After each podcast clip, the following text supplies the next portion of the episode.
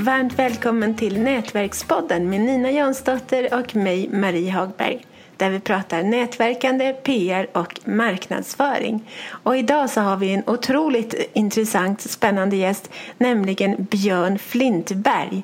Välkommen Björn! Tack så hemskt mycket! Vem är du och vad gör du?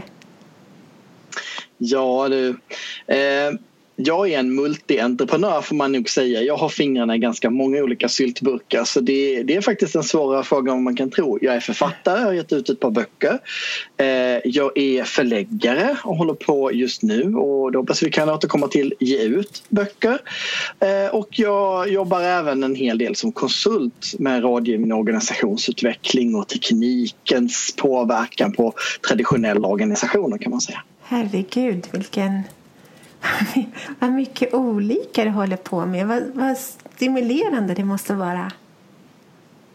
Jo, men det är det och det är ett medvetet val. Jag har varit egenföretagare och konsult och rådgivare i snart tio år nu kan man väl säga av och till i olika skepnader. Och, och hela den här kreativa delen med att, att, skriva och, och ge ut böcker det är någonting som jag har valt att göra nu och känner att nu börjar, nu börjar jag bli så gammal så nu måste jag göra sånt som bara är kul också. Så då började jag skriva böcker och sen inser jag att jag kan inte låta bli att göra entreprenörskap av det heller och då, då blev jag förläggare. Vad roligt. Och, och nu så ska du ge ut ett spel eh, via, eller det, har redan, eller det finns redan, via Kickstarter. Mm, ja, men det stämmer. Det är sagospelet Äventyr som är en slags... Eh, sagospel är en slags samberättande. Om man känner till rollspel sen innan, vilket, vilket ett antal människor gör så kan man säga att det är en slags rollspel för familjen. Men det är ett sätt att berätta sagor tillsammans för vuxna barn med inriktning just på barn 5 till 12 år. Och det har funnits i fem år, själva spelet, men det har legat på ett annat förlag och det har lite grann varit, varit en blandning av, av både hobbyverksamhet men också tagit lite klivet upp. Och jag såg en jättemöjlighet när jag fick chansen att jobba med, med Daniel och hans dotter Julia då, som har tagit fram det här. Så nu kör vi på Kickstarter och det har gått fantastiskt bra. I 400 procent efter en vecka. Så att vi är långt över målet.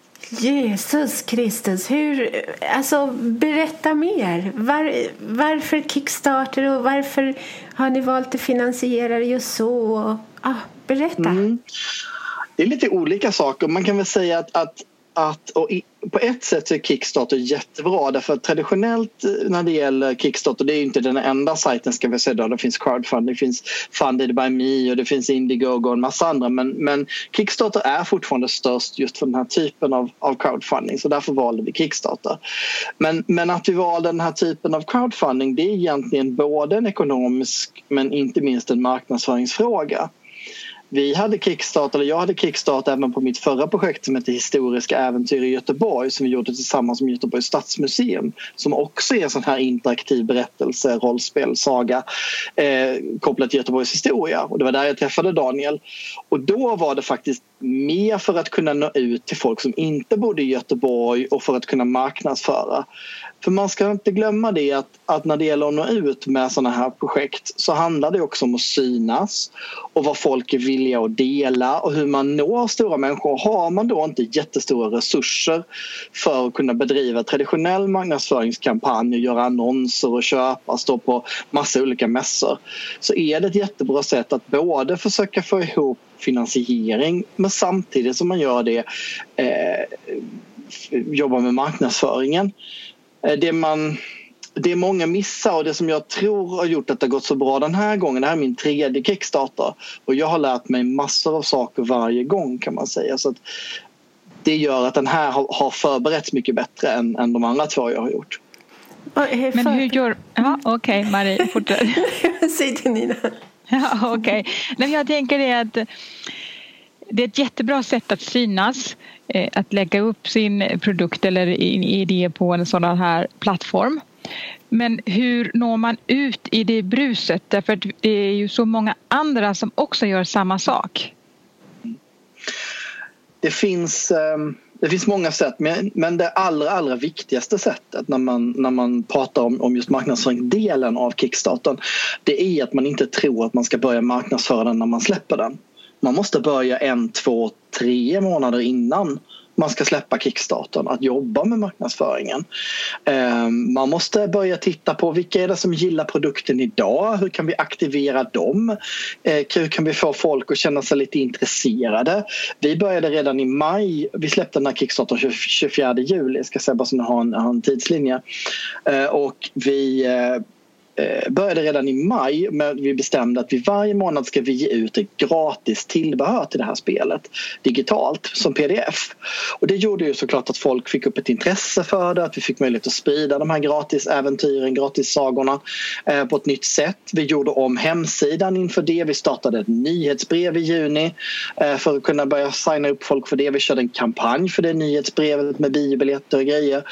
Eh, och vi började bli mer aktiva i sociala medier, vi gjorde om Facebook-sidan. Allt det här gjorde vi innan vi ens drog igång Kickstarter. Och så började vi prata om att vi skulle komma en Kickstarter, att det var på gång med en Kickstarter, att det skulle komma nya produkter. Och sen när Kickstarter väl lanserades då var ju folk redan informerade, man hade sett att det var lite intressant. Vi hade fått påringningar från, från eh, de handlare som har det i butik att, att det började säljas igen, det började ta slut i butiken. Och på så sätt så kunde vi liksom ha, ha krattat manegen. Jag tror det är, det är kanske den allra viktigaste, bara för att ge ett tips så är det nog det allra viktigaste när man sätter igång en lite större kickstarter för att synas att, att det förarbetet måste, måste man göra innan man drar igång. Mm. Och det var också det jag var ute efter, att många får för sig att det räcker med att man bara lägger upp någonting och så ska det liksom ska investerarna då liksom bara flyga in sådär magiskt. Och, eller på samma sätt som vi har pratat om tidigare i podden Marie, att man skriver en bok och när boken är färdig så är jobbet färdigt för då är liksom boken färdig så. Mm. Men det, det, och marknadsföringen av boken bör ju också börja innan boken är färdig och så vidare. Mm. Det är sånt vi pratar om här. Mm. mm. ja, men jag håller med. Jag har ju själv skrivit böcker. Jag brukar säga att det är en tredjedel att skriva boken, en tredjedel att redigera den och det är en tredjedel att marknadsföra den. Um, mm. Så att um, det, det, är ett stort arbete och det pågår ju. Sen ska man säga så här att det inte heller bara att göra förarbetet och lägga upp det och sen luta sig tillbaka utan det är då det verkligen är. Då, får man ju, då, är det, då är man alert varje dag. Eh, man får se till att svara på frågor som kommer in. Man, man ska sprida det lagom mycket mycket. Eh, man vill inte liksom överexponera heller. Om man har en grupp som är intresserad så får man också tänka sig för att man inte överexponerar och, och liksom nästan spamma ner kanalerna man har och, och sådär. Och det kan också vara värt en del att som vi gjorde då vi kontaktade några som vi såg var väldigt intresserade och väldigt aktiva av det här som visste var fans av det här spelet och sa kan inte ni bli våra ambassadörer och hjälpa oss att svara på frågor och vara tillgängliga och vara vårt bollplank. Så de, de har ju fått liksom insyn i processen om hur vi jobbar. De får vara med och ge feedback och korrekturläsa. Deras inspel tar vi till oss om hur de, hur de vill se produkten framöver. Och i gengäld så har vi liksom lite extra stöd som hjälper oss att, att svara på frågor eller som, som kan spelet och som kan liksom vara lite stand-in. För man kan inte vara på alla ställen samtidigt. Så det är väl också tips att ta till sig att ta hjälp. Eh, ta hjälp av andra och överexponera inte heller så att du, folk blir trötta på dig. Man får, man får får vara lite aktsam om sina kanaler och sitt, folk. Liksom. Annars så tycker folk bara att man är, är jobbig.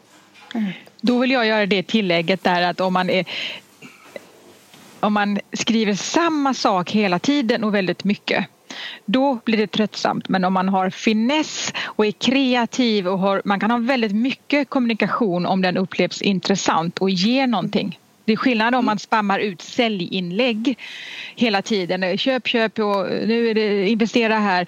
Alltså bara den typen. Och att man är interaktiv med saker som upplevs intressant och då kan man nästan kommunicera hur mycket som helst nämligen enligt mig. Ja, nej, jag håller helt med dig Nina. Det är, det är jättestor skillnad på det som är så att säga dela det här inlägget. Jag la precis ut ett sånt där eh, max ett om dagen. Så dela det här inlägget och hjälp mig gärna med det här. Det kan man inte ha för mycket av men däremot så kan man ha hur mycket som helst som handlar om att hjälpa till. Här är tips på hur ni kan göra detta detta eller så här kan du använda sagospel när du leker utomhus eller sådär. Saker som ger någonting. Om man, om man ger någonting tillbaka i sin kommunikation, om det är någonting som upplevs som nyttigt, då tror jag att man kan kommunicera precis som du säger nästan hur mycket som helst. Um, men det, det måste vara, får inte vara för säljigt för då, då finns det en gräns för hur mycket folk lyssnar. Precis. Hur kommer det sig att ni valde just Kickstarter? till det här projektet? Jag har prövat lite av de andra också. Kickstarter kan man säga det, det innebär ju risk jämfört med till exempel Indiegogo som är den största amerikanska konkurrenten.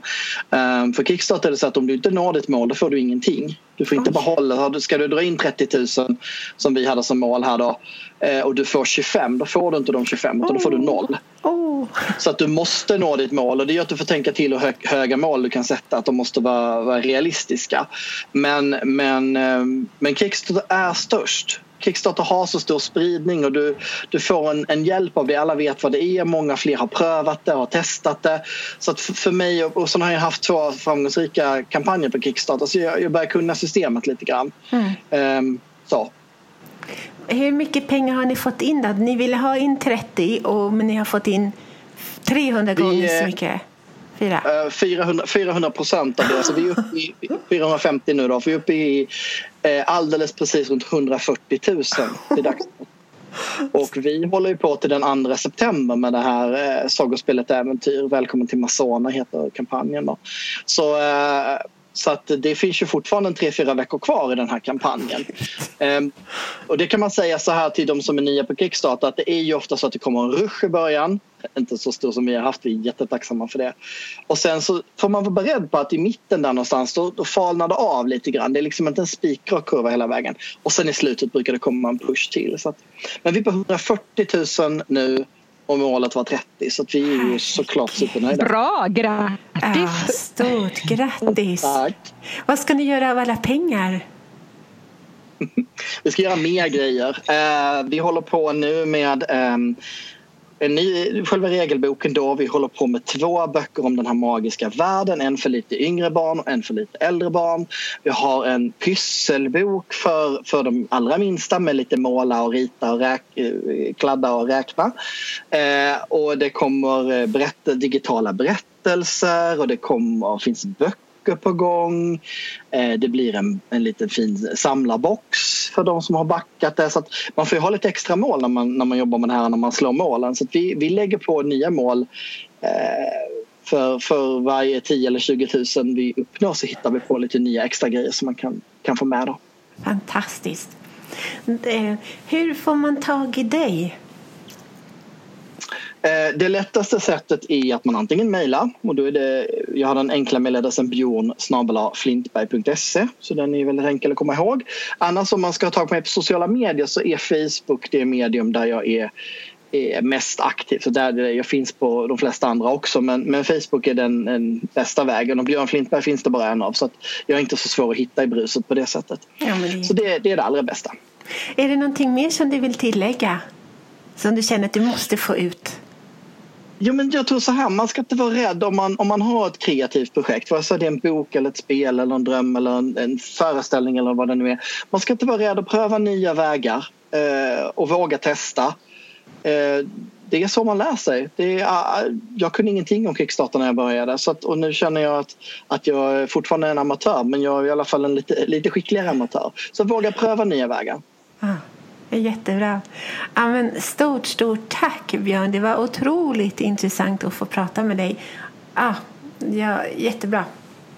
Tack och lycka till önskar jag också. Tack så hemskt mycket Maria Nina.